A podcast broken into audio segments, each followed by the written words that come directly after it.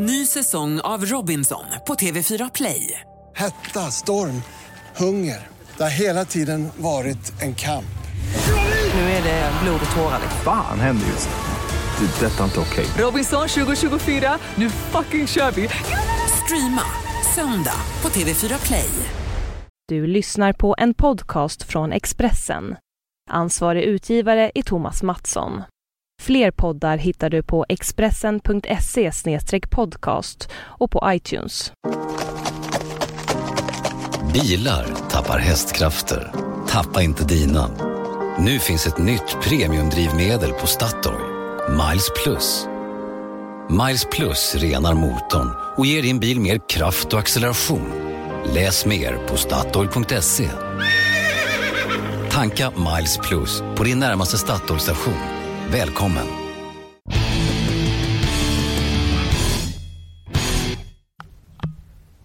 Hej hej och välkommen till Allt om bilars podcast. Äntligen är vi tillbaks i etern som det hette förr i tiden.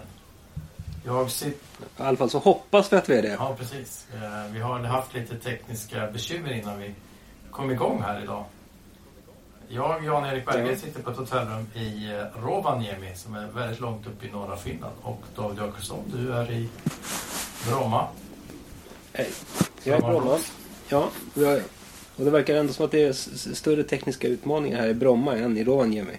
För att jag har liksom först och främst försökt hitta min lilla inspelningsapparat och den, den är borta. Och sen försökte jag koppla upp mig på Skype och det funkar inte. Så nu sitter jag med en iPhone och en iPad och försöker på något sätt kommunicera med dig och spela in ljud samtidigt. Vi, får- vi får se vad som händer. Det, det är en utmaning idag. Ja, jag försöker då ha den här mikrofonen nära mig så att vi inte ska få så mycket klagomål på vårt ljud. Och utmaningen där är att du inte ska gå in i den här mikrofonen utan din ljudfil ska bli så ren som möjligt. Eller min. Ja. Du, jag, jag lyssnade på dig i en annan podcast precis. Eh, häromdagen bara så lyssnade jag på en podcast när du var med i F1-podden tillsammans med Janne Blomqvist. Där var ju ljudet fantastiskt bra. Och det lät mycket proffsigare när du och jag håller på och slaskar med våra, våra små tekniska apparater här. Vad, vad var hemligheten? han, Snappade nej, du upp han, den? han eh, är ju ett gammalt ljudproffs, Janne. Han har jobbat på radio i jättemånga år. Så han hade ju med en eh, trådlös mick som han fick sitta med. Och sen eh, Mm. hade han en liten låda som han spelade in allt på. Så vi satt i samma rum med varsin mikrofon. Och så Mm. eh, spelade han in. Men eh, jag tror att det, det handlade om den där lilla lådan som han hade. Och eh, mikrofonerna var väldigt, såg väldigt proffsiga ut också. Vi, vi kan ju nämna det. Den, Okej. den kan man ju lyssna på. Han har inte gjort någon ny efter det vad jag sett. Så det är den senaste som ligger ute när vi spelar in i alla fall. Och vi pratar ju mycket om Marcus Mm. Erikssons eh, stall där, deras ekonomiska problem och pratar om lite om eh, alla rykten som har, har gått runt det och även om lite svenska talanger. Och det där har väl Mm. inte hänt så mycket nytt efter att vi spelade in. Det är fortfarande rykten om Sauberstallet. Och eh, nu är det väl är det torsdag då. Då är det några av de här talangerna som ska ut och köra till helg. Mm. Ja, spännande. Eh, ja, men den podden kan vi rekommendera. Jag som faktiskt är outsider där kan ju kan rekommendera den helt, helt och Du hållet. sprang förbi och, det- och tog lite bild på oss där. Det hängde lite utanför eh, lokalen. Ja, jag fick inte vara med men markerade någon slags närvaro där i alla fall. Men det, det, det, du Ja, var jag inte arg för att det var någon konkurrerande verksamhet till den här podden? Nej, nej det, det känns inte riktigt så.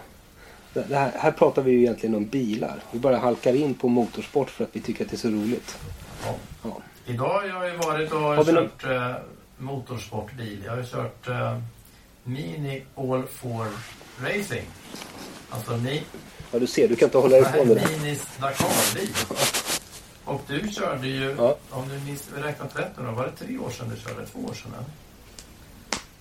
Två år sedan, men jag fick inte köra den. Men jag, jag fick en rejäl åktur med Stefan Peter Hansel. Eh, I den här Dakar Mini. Det är ett av mitt livs obehagligaste ögonblick faktiskt. För att det var, det gick så fruktansvärt fort. Men, eh, men, berätta nu, du, du körde ju själv och du, du vet mer om bilen än vad jag Ja, de har ju utvecklat den här bilen Ja. lite grann sen dess. Och vi hade faktiskt precis innan vi åkte till hotellet en liten teknisk genomgång. Det är ju så i Dakar att man har ett ganska avancerat tekniskt reglemente som eh, ska försöka jämna ut mellan olika bilar och biltyper. Till exempel så har man olika viktregler beroende på hur många, ja, hur stor motor det är, hur mycket hästkraft man har. Man har olika regler för vilken hjul eller vilken bakaxel man har snarare. Så om man delar bakaxel så har man det på ett visst sätt och så. Så det, det, det är ganska komplicerat tekniskt reglemente. Um, kanske inte så komplicerat, så high-tech-aktigt. Men, men um, det, ja, det, det, är byggt eller gjort för att man ska jämna ut skillnaden mellan olika tillverkares eh, bas. Liksom. Men grunden i den här bilen är ju mm. BMW dieselmotor på och eh, en sexcylindrig dubbelturbo med på bara 3 liter som ger 330 hästkrafter drygt. Och 800 eh, Newtonmeter. Så man behöver inte hålla på och växla så mycket om man inte vill. Den, den, eh, I den lilla bilen? Ja, den, sen hade de en vikt, den var, för minimivikten var nästan två ton på den. Så den väger en del. Mm. Um, mm. Men den var ju, ja, det är fyrhjulsdriven som sagt. Och, och olika väldigt avancerade stötdämpning och sånt såklart. Den är väldigt hård och, och liksom fast när man kör så långsamt som jag gjorde. Men jag, jag har ju läst lite tester om den här bilen innan. Och där var man ju väldigt... Eh, ja, tyckte att den var väldigt svår och obekväm att köra. Okomfortabel. Men jag tyckte faktiskt inte Jag tyckte okay. den var ganska smidig. Man satt riktigt bra och sådär. man, man, för det första sitter man ju väldigt annorlunda jämfört med en racerbil. Man sitter ju väldigt högt. Man har alltså instrumentbrädan och ratten väldigt lågt. Det vanliga racerbilar är att man knappt ser ut annars. Man ser över instrumentbrädan. Man sitter väldigt lågt i vanliga fall. Och man har ratten väldigt mm. liksom, upprätt framför sig. Här är det mer transportbilskänsla. Liksom. Ratten var liksom långt ner och lite vikt framåt. Liksom. Mm. Um, men det var väldigt enkelt, eh, ja, lätt att komma iväg liksom från stillastående eftersom det är sånt vrid. Racerbilar brukar ju vara lite svåra liksom från, från stillastående. Sekventiell låda, vilket ju var... Ja, det är jag ju van vid, som man kan säga lite kaxigt från Clio Cup-bilen. Men, men det var koppling i alla fall, så den eh, jobbade man Man kopplade ju i eh, låga farter kan man säga. Um, så vi blev det några höga farter? Nej, det blev inte några. För den toppar 190 ungefär. Den, så den går inte så himla fort. Om jämför med Peugeot-bilen som är deras värsta konkurrent som gör väl uppåt 200. Den är, har lite andra eh, tekniska grejer på den. Men, men eh, den, den, går lite snabbare rakt fram. Men det är inte det, är inte det som är avgörande. Liksom. Utan... Eh, det, det avgörande är liksom bot, bottenkraften, vridet. Mm. De pratar också mm. om inställningen. Det är ju så vanligt att man håller på och filar på hjulvinklar och, och inställningar hit och dit om den ska understyra och överstyra. Men de sa att flera av deras toppförare, de, de tar bilen som den är. För att varje sträcka, de kör ganska långa sträckor.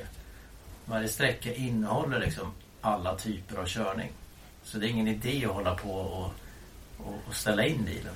Jag menar på att om, om du ska köra en, en specialsträcka i rally på 6 km då kan du ställa in allt. Optimera den för den sträckan. Men mm. äh, här, här kör de liksom jättelångsamt och jättefort och jättesvängigt och rakt fram på en gång. Liksom.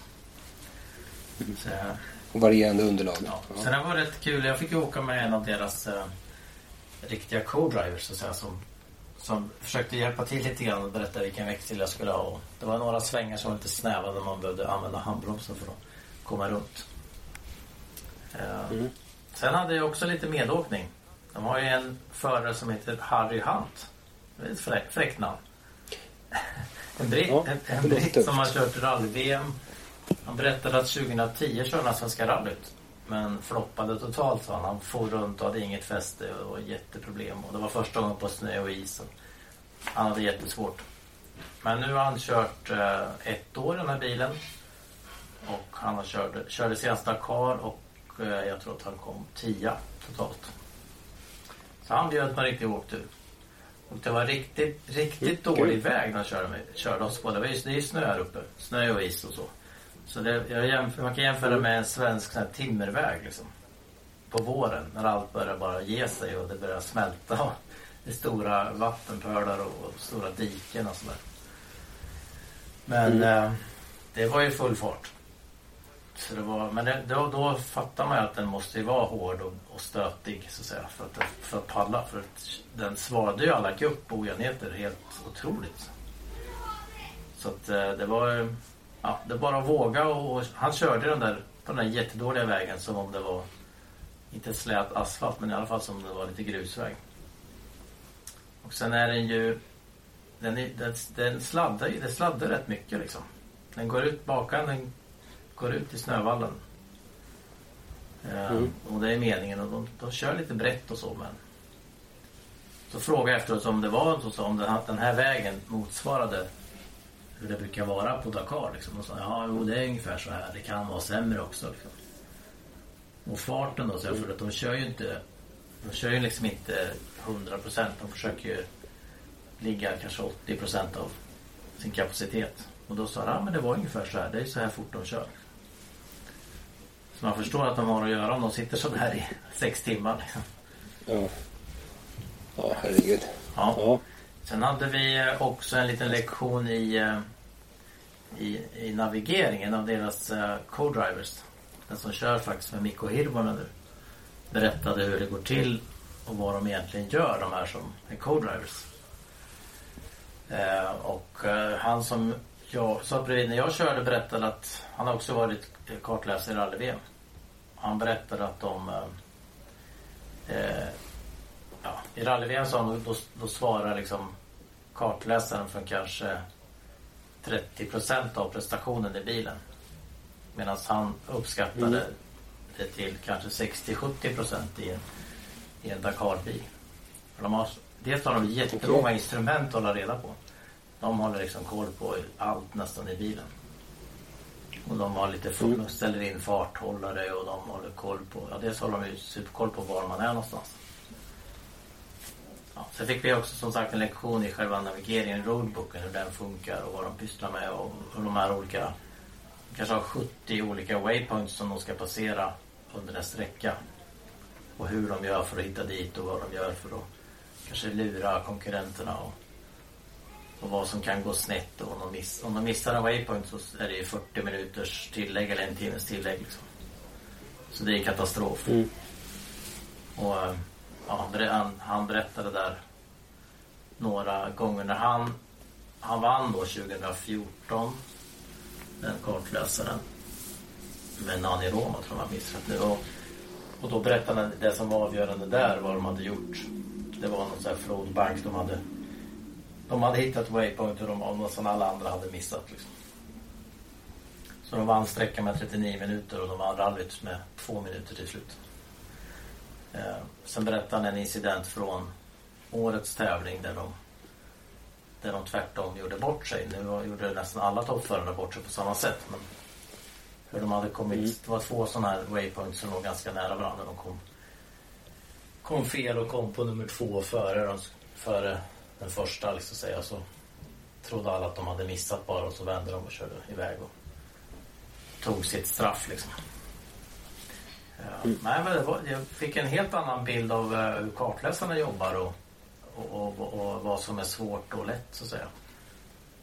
Sen har jag ju fått reda på att eh, i rally-VM då sitter de ju och, och, och liksom specialstuderar sträckorna på kvällen innan. Alltså, de har ju filmat sträckorna så de kan de sitta och titta på dem. De typ kör sträckan fast kvällen innan. Och här berättar de att de, de får ju sin roadbook klockan fem. Ehm, och så skickar de hem de där GPS-punkter. Eh, så skickar de den till en, eh, en kille i Europa någonstans. Eh, som då kör Google Earth och skickar tillbaks bilder på sträckan. Då sitter de och, och studerar då bilderna på sträckan och kan i datorn kan de zooma in liksom. Så, så ja, men här borta ligger det en gård. Då kanske vi kan köra runt där. För där ligger en väg till den gården. Då kanske det är bättre. Och så sitter de och, och, och liksom gör om roadbooken då efter vad de har sett på, på den 3D-kartan. Eh, Det kan man ju tycka är lite fusk, men de har ju inte den med sig i... eh, De, de, de gör ju om sin roadbook så att säga, så de har inte riktigt med sig det där. Okej, Ja, så, så länge alla kan göra det så är det väl inte nej, fusk. men man förstår att de som har mest resurser, de har kanske tre man som sitter och jobbar med det där hemma på kontoret liksom. Det är inte för nybörjarna också. Eh, sen har, då har de en ganska simpel GPS som, som eh, eh, arrangören ger dem och som de inte kan ha i bil. Vi hade ingen GPS i de här bilarna till exempel för det är arrangörens ägodel. Liksom. Det får de bara precis före tävling. Men tydligen är det inte riktigt klart var Dakar 2017 ska gå. Man berättade här att de sitter och väntar nu på besked. Det brukar komma så här års. Så här april någon gång. Nu brukar komma en inbjudan till presskonferens slutet på mars och där har de inte fått den. Och eh, i april så brukar man berätta att i de här länderna ska det gå. Eh, Det var ju tydligen något problem med något land, om det var Peru förra året. Så det kanske är så att de försöker att få med Peru igen eller något. Men eh, Ja, ja. Den som Ja. lever får se. men sen kör ju då Minis kör ju en liten sån här långloppsserie med flera. I, de är mycket i Dubai, Qatar och, och kör. Eh, så det finns ju så här en liten serie också. Men sen så intervjuade jag ju Mikko Hirvonen som eh, körde i Dakar och kom fyra. Han värvades ju till Mini här eh, för ett år sedan. Jag såg till och med någon bild med någon bordsplacering där era namn stod Ja, vi fick sitta, jag fick sitta bredvid honom på, på middagen här på kvällen. Och, och där jag gjorde själva intervjun. Så det var trevligt att bråka med honom. Han är ju 35 år och ju ganska många år kvar i toppen egentligen. Men eh, han hade ledsnat lite på rally-VM. Det var väldigt mycket resor och det var väldigt mycket tid borta från familjen. Han hade två söner som han gärna ville se växa upp som han sa. Där passar honom bättre att de han kör ett, om det var tre tävlingar och, och eh, det är inte så mycket tester och sådär så att han kan vara hemma mycket mer. Han gillar ju att renovera gamla bilar. Det finns ju några Youtube-klipp när han eh, åker runt med någon amerikaner, någon V8. Eh, så det är hans eh, stora hobby. Och han gillar att meka med dem själv också så att eh, han, han vill ligga i garaget och meka och, och vara med sina barn. Så det lät mysigt. Han frågade, för det var ju några andra vid bordet såklart. Det var inte bara jag, han och jag. Men då, några drog ju upp massa Youtube-klipp när han kraschar eller undviker krascher. Det är vanligt. Eh, rally, rallyfilmer på Youtube. Så frågade jag honom om han brukar du kolla dig själv på Youtube så där, om du brukar du som eh, eh, ja, titta på gamla filmer och så. så nej, nej, det brukar jag inte göra så. Men mina, mina grabbar brukar göra det och så brukar de skratta av mig. Ja. Så, ja. Kul. Han, var trevlig, han är ju trevlig. Hirvonen, han är ju... Jag vet inte om han fortfarande har rekordet på Collins Crest eller om han blivit av med det. Men han har haft det i alla fall. Den här eh, hopp, det här hoppet i Svenska rally. Han frågade om han inte saknade rally-VM lite i alla fall. Och så, ah, han skulle kanske skulle kört, kunde vilja köra något, någon tävling och så. Men eh, inte en hel serie. Det skulle han inte orka med. Jag frågade om han tittade på, på, eh, på tv också, så här, följde motorsport. Och då sa han, ah, men rallycross och MotoGP, det skulle han kunna kolla på. Så. Han gillar motorcyklarna. Som jag. Sen bodde han, jag frågade också, eftersom han bor i Jyväskylä eller däromkring, så frågade jag hur det går för uh, Tommy Mäkinen som bygger Toyotas nya rallybilar. Eh, om man har sett något. Där, de var ute och kört och sådär. Och då sa han att han, han bodde bara två kilometer ifrån Mäkinen. Men han hade inte sett några bilar ute och köra. Han hörde bara att de jobbade så. Men han, han, han sa att de hade problem med någon eh, leverans av växellådor tror jag. Så att de har inte testkört den. De, de skulle ju testköra i mars var meningen. Första gången. Så det var lite allmänt skvaller där också på kvällen. Det brukar ju bli det på sådana här typer av resor. Det var många... Kul. Kravet för att få köra var ju att man hade racinglicens. Så det var, det var några, någon från Tyskland där, någon engelsman. Eh, några från Tjeckien, Polen, Ryssland var det ett gäng. Fem personer tror jag. Men det var bara jag från Sverige. Och, Så det var kul. Roligt. Det ska komma, vi, de filmade ju allt, så det, ombordkameror och allting sånt där. Så det kommer, det kommer att dyka upp bilder på vår sajt när jag är skräckslagen, så här medåkning. Och kanske när med, kartläsaren är skräckslagen när jag kör. Vi får se. Mm. De ser fram emot de klippen. Ja, du hade varit ute och busat också har jag sett på vår eh, Facebook-sida. Alltså jag har varit och busat på flera sätt medan du har varit uppe i, och busat i, i snön. Ska, ska jag börja med att jag faktiskt var på Falkenberg här tidigare i veckan?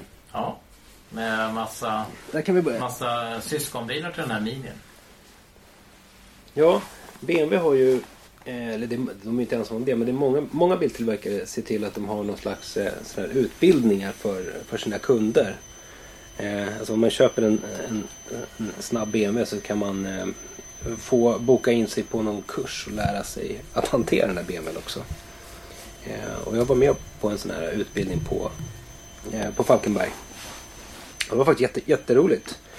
Eh, och det var, var en rallychaufför som jag vet att du har träffat förut. Nalle. Vad heter han nu igen? Björn Nalle Johansson. Just det. Jag var där och visade lite grann och lärde oss att hantera bilarna lite bättre. Eh, och det, var, det blev en sån här klockren vårdag med perfekt temperatur och eh, fina bilar och massor av tid på banan. Eh, och jag började faktiskt med att köra eh, eh, nya BMW M2. En bil som jag inte har kört förut. Jag har inte ens sett den tidigare men en sån här bil som jag gått och längtat efter att någon gång få köra. Det är alltså en, en, en liten, ganska rå, eh, riktig M-bil. Med en bra bit över 300 hästar och sådär. Det var, det var fantastiskt roligt. Den borde vara ganska lagom stor. Liksom, att den inte... Det är inte M5 Ja, klump direkt. Utan den borde vara ganska smidig och trevlig att köra.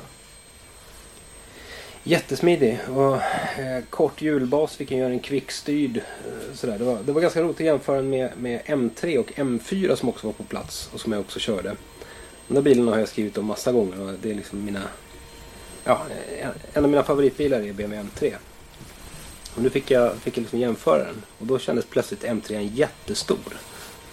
Jättestor. Eh, men, men också betydligt lättare att hantera för den var ganska stingslig den där lilla M2 på, på banan. Jag körde ju M4 Men- Cabriolet, vilket ju var bortkastat. Ja, men, Bortkastat.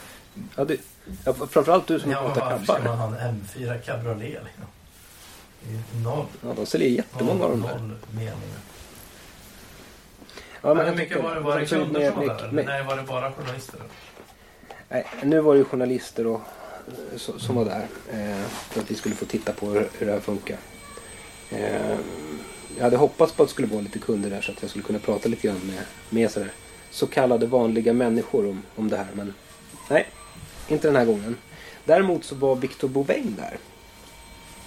Eh, och han, eh, alltså en, en eh, du vet ju vem det är. BMW-förare som nu ska köra eh, GT3. Eh, vad heter bilen? Det är 6-serie. Ja, men jag, jag börjar tänka efter vad serien heter. Det finns ju många sådana serier som... För han ska inte köra AD, AC, GT Master så. Där Edvard Sandström och Mikael Olin kör. Jag tror inte att det är den serien. Och där nu Felix Rosenqvist Nej, ska hoppa en in i helgen här.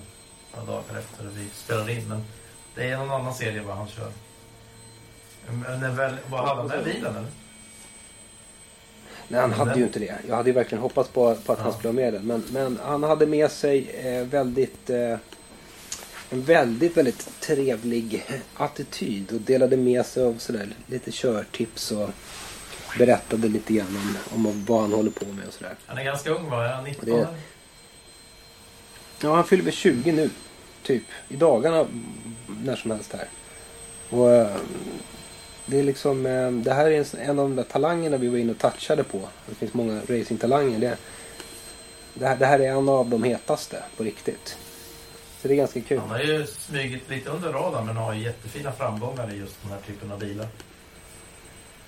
Ja, alltså i många typer av bilar. Han, först började han ju köra karting från mellan 2007 och, han? 2007 och 2010. Och han har varit Sverige-etta i någon klass och eh, vunnit Rotax Cup, eller vad heter den? Rotax Challenge eller sånt där. Sen har han gjort bra resultat i Formula Renault och han gjorde fina resultat i, eh, eh när han körde Sirocco. Eh, Junior Cup heter det va? Så han har kört eh, 24 timmars på Nybering och grejer med med, eh, också med BMW. Han blev uttagen till BMW Motorsport eh, i det här juniorprogrammet som en av fyra förare i världen. Och det är en, det är en, Ja, och nu ska jätte, köra. det är en jättegrej. ju. Och målsättningen var det, det Ja, det är jätte. Ja, precis. Nej men alltså bli uttagen till det där. Det, då säger ju BMW som är en av världens största motors, motortill, eller biltillverkare att liksom, vi vill knyta dig till oss. För vi vill se dig växa och vi vill ha dig nära när du gör det. Liksom. Och det är ju, det är ju jättekul. Och nu ska han köra den här M6 GT3 tillsammans med, eh, med Tom Blomqvist. Ja, de kör tillsammans Ja. och... eh, Och Tom Blomqvist de, de delar, kommer att dela bil här under några race. Och Tom Blom, Blomqvist är ju redan DTM-förare. Och vann en tävling förra året. han inte... Han, Han, han vann ett race förra året. Men eh, okej, det är som de, by- de delar och kör... eh, De byter mitt i loppet så. Lång, ja. ja, precis. Massa olika, han, han förklarade för mig det var massa olika tävlingar och så var det 24 timmars på, på Nordslingan och så Mm. ja, det var hur mycket som helst. Men, men att få, få göra det just med Tom Blom- Blomqvist tror jag är ganska, ganska värdefullt. För att jag tror att, eh, att det är ganska många som tittar på vad som händer i den här bilen. Och som han själv säger då, Viktor Poäng, att om, om det skulle visa sig att jag är snabbare än Tom Blomqvist någon gång och vi har samma förutsättningar i samma bil så, så kanske de tittar lite extra Ja. på mig. ja, det är roligt. Alla racerförare tycker Ja. att de... Eller tycker, de är övertygade om att de är snabbast i världen. Det, man, Mm. det där svaret får man av alla. Det ja, men det, är- det är så att säga deras jobb också att tycka att de är snabbaste i Men det är som, bo- Tro det är det. lite som boxare tycker. De, en boxare kan ju inte tänka att det här blir nog en jämn match. Jag kanske får stryk idag. Utan man måste gå upp med ett jäkla självförtroende. Och Mm. tänka att jag kommer att det är sluta samma någon. Det är fan racerbil. lite samma touch i en racerbil. Mm. Men det, det kändes som att, eh, som att eh, Wenger han, han har rätt, rätt inställning, rätt attityd. Ja, vad roligt att prata med honom. Men, men du, jag har ju faktiskt varit och kört eh, ännu roligare bilar. Kan man säga det? Ännu roligare bilar än BMW M2, och BMW M3 och BMW M4. Om man med roligare menar fler hästkrafter så stämmer det. Ja, fan, ja, man kan äta. Och fler hästkrafter är ju roligare. det är ju så. Eh, nej, men jag håller på och eh, försöker att jämföra två stycken eh, värstingbilar med varandra. Eh, det är Porsche 911 Turbo S och eh, Audi R8. Och det här är ganska, ett ganska tufft jobb. Jag satt och pratade med, med kollega Alexander Olvan idag om här, vilken bil är det som... vil- Vilken bil är bäst av de här två? Vilken vill man ha av de här två? För om man tittar på pappret så är de rätt lika när det gäller eh, prestanda och pris och vikt och, och hästkrafter och sådär. Men det är ganska olika karaktärer på bilarna. Du körde ju R8. Ja, Först ja jag får tänka tillbaka nu. Det var på en racerbana i eh, norra Portugal. Om jag minns rätt nu. Eh, och tillsammans med en av deras fabriksförare. Vi hade en sån medåkningsdag där också. Och det gick ju Mm. undan kan man säga. Jag kommer ihåg att den var rätt eh, svår att köra fort med på banan. Eh, Mm. faktiskt. Men den är ju... Den är ju... Jag tror jag skrev det va? Den är väldigt snäll och elak. Så man kan ju få den som en vardagsbil. Och man kan få den Mm. till en riktigt tuff sportbil också. Med några knapptryckningar.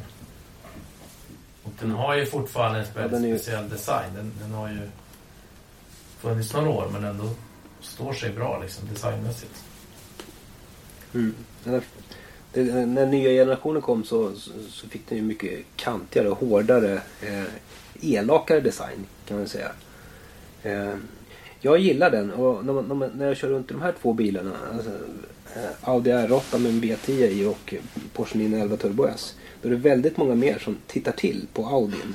För den sticker ut mer i, eh, mer i trafiken eller mer, mer på en parkeringsplats. Sådär. Men jag tycker nog att den här Porschen ser lite elegantare ut. Den skriker inte lika mycket som, som Audin gör. Att, sådär, Titta på mig. Nej, men Ja. precis så är det ju. Sen, Audin är ju lite innovativ. De har ju provat lite nya grepp när de byggde chassit och karossen på den. Hur de ska göra de här olika Mm. eh, aluminium och kolfiberdetaljerna och hur de ska sätta ihop dem. Mm. Så att den, de, den är faktiskt... Det är, en, det är en fruktansvärt bra bil alltså. alltså det, det som imponerar med båda de här bilarna det är ju hur de styr in i, i, i kurvorna. Alltså greppet i, i framvagnen. Hur, man kan få till det på en standardbil. Det, är- det är ändå ganska mjuka bilar om, Ja. man, om man jämför med en, med en racerbil. Men ändå hur, vilket, vilket självförtroende man får när man ska svänga in med bilen. Det är, det är Ja. jättehäftigt. Men det är ju en del av hemligheten låg i hur de har jo- jobbat mycket med kolfiber och eh, extra hållfast Mm. stål och hur de, har- de har liksom lyckats göra eh, större delar. Liksom. Satt, satt ihop större delar till hela bilen istället för att eh, sätta ihop, bulta ihop smådelar. Liksom. Och de har fått den Mm. mycket styvare och lättare. Och så kan de jobba ner vikten eh, på, på, på ja, var de sätter motorn och hur de monterar den. Eh, Mm. Och hur de gör de här infästningarna liksom, spelar också stor roll. Så den var, Mm. den är, jag vet att jag var på gränsen att rösta på den i årets bil bara för att den är så pass innovativ. Mm. Jag har inte samma kunskap om, om. Porsche där, om den, hur mycket som de har fört över till den. Den är ju lite nyare va? Alltså det, alltså, det, det är inte så himla mycket. Alltså den, den, eh, den, den nya 911 som kom här för inte så länge sedan. Det är ju, det är ju att de har faceliftat. Ja. Alltså 991 är faceliftad. Och så har de faceliftat den här Turbo S också. Och gett den lite mer hästar och eh, finjusterat en, ett antal designer i chassit också. Sådär. Men den kanske inte är så ny. Eh, Den är inte lika ny själva uppbyggnaden. Nej. Nej, det är den inte. Det är den inte. Det känns som att eh, nästa gång vi får se en ny 911 så, så kommer det vara en, en väldigt ny bil. Så känns det. Men sen så när, jag hoppade mellan de här bilarna flera gånger bara för att försöka jämföra. Hur, hur känns det att sitta i de olika bilarna idag? Då körde den ena en mil, körde den andra en mil, körde den första en mil och sådär. Men alltså det är någon speciell känsla i den här Porschen. Alltså någon, någon kvalitetskänsla som inte riktigt finns där i Audin. Trots att det, båda bilarna de kostar ungefär lika mycket och, och sådär. Men det är någon speciell grej som Porsche, som Porsche har fått till som inte finns någon annanstans. Det höll Alexander med mig om också. Han, hoppade, han, skulle, han sa att ja, jag skulle ta Porschen direkt. Sa han. Jag, är- jag är väl inte lika säker på vilken jag skulle välja om jag nu skulle råka ha två miljoner över på kontot. För de, de kostar alltså nästan två miljoner kronor styck. Men eh, det är någon speciell känsla där i Porschen som jag gillar mer än i Audin. Eh, å andra sidan så har Audin ett ljud som Porschen helt saknar. precis, den är lite busigare så. Den är liksom lite... Ja men alltså det, det, det, det låter som en susning när 911 Turbo S åker förbi sådär. Man, ja, det är klart, nu, nu överdriver jag. Det är klart att den låter tufft. Men den låter inte så fantastiskt tufft som man hoppas och nästan skulle kunna förvänta sig av den. Det gör ju Audin. Det, det låter ju som, det låter som en som en lite äldre Formel 1-bil med VTI. Det Skittufft. Men sen är Porschen å andra sidan då några tiondelar snabbare till 100. Den ska få göra 0 till 100 på 2,9 sekunder. Har den någon launch control? Den, Eh, Ja. Ja, launch control finns ju. Och det är, det är en makalös upplevelse. Det, det känns ju verkligen som att, att innan mätet flyttar sig lite bakåt när man gör en launch control. Det går fruktansvärt fort. Det är som att köra en, en Nissan Leaf någonting. Kör en vad? Nissan Leaf elbil. Mm, ja, ungefär. Mm. Du, du, du, försvann lite så jag missade säkert det roliga skämtet. Men... Men du, de här bilarna ska man ju inte välja på. Man ska ju köpa båda. Ja, jag tror det. Alltså jag har kommit fram till en egen konklusion här. Att jag, jag körde en 911 Turbo S på, på en racerbana. Och då körde jag samtidigt en, en, inte samtidigt, men direkt efter så körde jag en, en Carrera 4S. Alltså en, en bil som kostar ja, 900 000 mindre nästan. Eh, och har eh, 100, vad kan det vara, 160 hästar mindre. Men det slog mig att jag hade ungefär lika roligt i, i båda bilarna. Så att jag kan ju tänka så här att man kanske ska spara en- den här 900 000 kronorna och sen så köpa eh, Carrera 4S istället. Och, göra något, och så köpa något. En begagnad R8. Ja, kanske så. Jag vet inte. Eller sätta in på banken och spara till bensin eller något. Då får du spara till den här Dakar-bilen som jag körde. Den, den eh, säljs ju om man vill. Om man vill satsa på att köra Mm. Dakar så kan man köpa den för eh, en miljon fast euro. Jaha. Ja. Det är ju dyrt. Tillkommer lite andra kostnader också för service och skötsel och sånt. Och racingteam är dyrt. Ja, ja. Ja. Innan jag åkte hit upp till eh, norra Finland så var jag ju i eh, södra Europa. Eh, Jag hann, jag hann sova, jag hann sova hemma faktiskt en natt. Men så, så började jag veckan i Paris. Märkte din familj att du var hemma? Ja, jag hann faktiskt eh, gå ut med hunden där på morgonen och, och sätta på en tvättmaskin på kvällen och sen stack jag igen. Så hu- hunden märkte att du var hemma? ja, det är trevligt. Eller? Uh, där fick vi... Paris, Paris, Paris, var så hemligt så att eh, vi, vi, vi kan få säga vad vi, vad vi gjorde där. Men det var så att vi tittade på deras nya iCockpit. iCockpit har ju funnits i 208, 308 och någon mer var 2008. eller något. Så det är deras namn på sin instrumenteringen och datorn i bilen typ. Men nu Mm. kommer det en ny, helt Mm. ny, helt annorlunda iCockpit och första bil ut är nya 3008 som ska visas i Paris i höst. Och 3008 fick vi också gå in i. Det får jag väl inte heller säga, men nu säger jag det ändå. Eh, Det är alltså deras eh, Nissan Qashqai-utmanare kan man säga. Eh, Den med en helt ny design och ser mycket mer SUV-lik än, än tidigare. Det är ju så att de här ja, crossover MPV-erna har ju får bli mer SUV-lika i sin design. Eh, Jag tyckte faktiskt att den var rätt eh, fin. Och, de, de har helt gått ifrån det här buddliga som man ser att 308 var första steget mot en, en renare design med renare linjer och så. Lite mer tyskt om man säger så.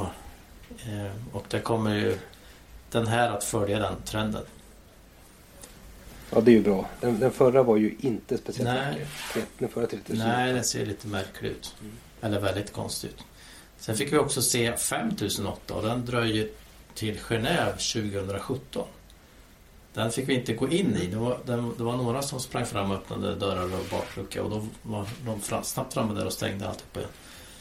Eh, men den såg väldigt speciell ut. Alltså, det var verkligen något så här mittemellan SUV och ja. Och vä- ett helt rakt tak, väldigt stor. Den är ju sjusitsig, eller kan bli. Eh, sjusitsig och man får in två nödstolar längst bak. Då. Eh, men det var ganska likt 3008 då, nya 3008 fram, men, men liksom man tänker sig liksom en mycket, rak, mycket rakare än eh, XC90 till exempel. Rakt Mm. tak och lite längre liksom. Längre kropp och mindre motorhuv. Är inte det lite Renault Espace? Ja, precis. de precis. Det blir en eh, spassutmanare. Men ja, den, den kändes längre än spass. Men den, Längre? Espace är ju Ja, hur lång som men- helst. ja, det kanske är där någonstans. Man luras lite av formen. De hade ju inga mått. De hade ju bara så här, hade si och så mycket Mm. procent. Och så. Alltså, det var inte så mycket detaljer. Man fick mest bara titta på den och sen gå ut igen. Nej, men det är som du säger. Det spass är ju också lite rak i taket. Men den här ja, det var, det var rätt eh, fräck den här också. Det blir lite annat när den är så rak, i sådana raka linjer och så stor bil. Men eh, ja, de har mycket på gång. Peugeot. Och den här eh, fick jag reda på här också. Det viskas ju lite om Peugeot i, i Mini-Dakar-gäng här eftersom Peugeot är deras eh, främsta utmanare. De vann ju. Peter Hansen vann ju Dakarer. Och de är tydligen klart snabbare än minibilarna just nu. Så de försöker då se om de inte kan ändra reglerna lite grann. Men eh, den nya Dakar-bilen ska baseras på nya 3008. Eh, Mm. Den ser lite stor ut för det kan jag tycka. Men å andra sidan det är ju bara marknadsföring. Det har inte så mycket med den faktiska bilen att göra. Liksom. Nej, det är ju så. Det är så. Men alltså den här nya 5008 då, bygger den på en, någon ny plattform eller är det en Oj, det, befintlig? det, där, eh, det där var väl så att det var samma plattform. Om jag minns rätt nu så var det samma plattform som 3008. Men man kan förlänga den lite. Eller mycket då. Men då är det samma plattform som, som, som 308, den här PSA-plattformen som heter något Ja. spännande. Eh, Det var mycket plattformsprat där men lite hemligt också för att de, de delar ju plattform med Opel, eller delar, men de, de ska göra bilar tillsammans med Opel. Kan man säga, PSA-gruppen.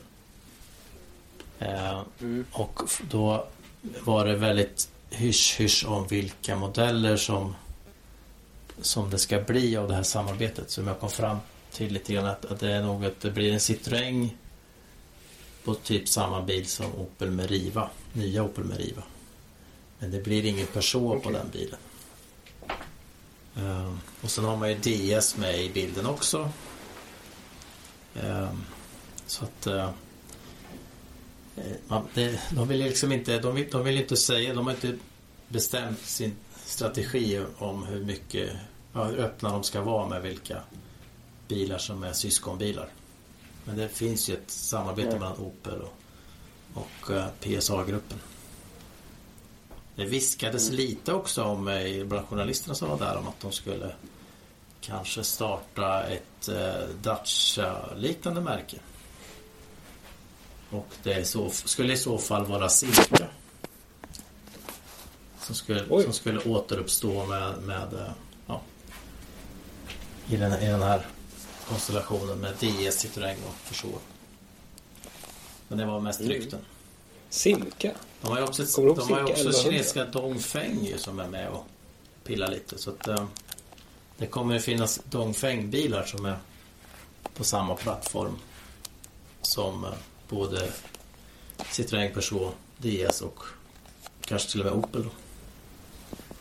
Mm. Så fick eh, Peugeot-chefen där eh, eh, frågan om var- varför Dongfeng blandar sig i Nevs som de har gjort.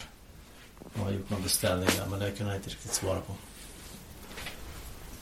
Eh, De ska ju också hoppa på laddhybrid och eh, elbilsspåret såklart.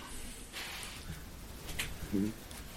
Jag hade också en, jag kommer att skriva om det här på lördag. Jag hade en diskussion om eh, Det är allt fler som pratar om ett dieselförbud.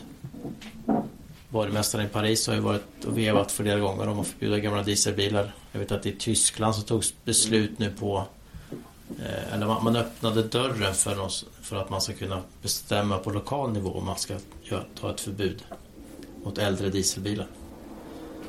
Eh, men eh, personligen tycker inte det är så. Att- Jag menar på att det enda som händer då om man gör det är att man öppnar dörren för stora laddhybrider från Asien och USA. Eh, man får, och då får man inte ner utsläppen, man får bara ner utsläppen i teorin. Alltså folk köper en laddhybrid men den laddas inte utan den körs på bensin och diesel i alla fall. Eh, Och då får man ju inte ner den faktiska utsläppsnivån. Så det där kommer nog att eh, diskuteras framöver. Vi har ju skrivit eh, artiklar här om att eh, den här Real Drive Emission mätningarna kommer igång så kommer laddhybriderna få mycket stryk i de nya eh, utsläppssiffrorna. Det kanske blir en liten knäck för eh, laddhybrider framöver. Ja, det där får vi, får vi ligga på ordentligt och kika på. Nu, eh, vi, vi sitter och pratar om laddhybrider här. Och då ser jag på min strömmätare att jag har exakt 2% kvar på batteriet. I datorn eller i, i, i, i, i Den här inspelnings, eh, inspelningsvarianten. Ja, Så att jag får, eh, får, får nog helt enkelt snart lämna det här. vi får lämna här. Jag ska ge mig iväg på en ny tillställning. Vi ska ut till någon hydda som det heter. Få träffa det här teamet igen. Se om det blir några nya frågor om Ja. olika tekniska detaljer. Den här bilen. Spännande, Mm. spännande. Är det Stockholm imorgon eller? Det är Stockholm nu imorgon bitti. Ska landa klockan åtta på Arlanda. Hoppas att det inte är några nya terrorister som är där och stökar. Utan det kommer ut okej. Och nästa vecka har vi, ska vi, jag köra Jaguar F-Pace. Ja, vad spännande. Så får vi återkomma då med en rapport från Montenegro dit vi ska köra. Och jag kan återkomma med en rapport från Berlin där jag ska köra nya Volkswagen Tiguan. Just det. Det står inte i vårt schema men jag måste peta in det i vårt lilla... Vårt lilla, vår lilla Ja, men det kalender. står i vårt schema. Ja. Jag kanske har lagt in det fel. Vem vet? Ja, Jag, jag tänkte köra den i det alla är fall. bra. Du, eh, Det vi är hörs. Tack och hej. Tack, hej.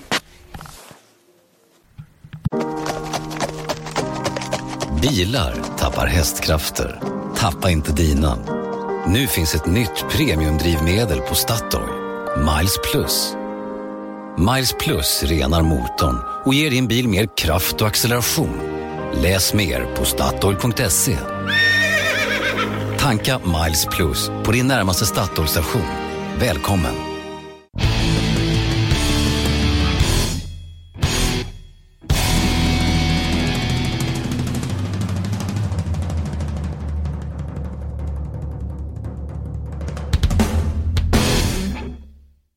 Har lyssnat på en podcast från Expressen.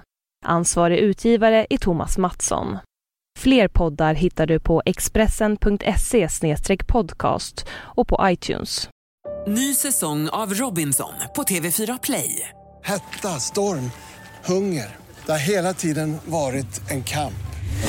Nu är det blod och tårar. liksom. Fan händer just nu. Det. Detta är inte okej. Robinson 2024, nu fucking kör vi! Streama söndag på TV4 Play.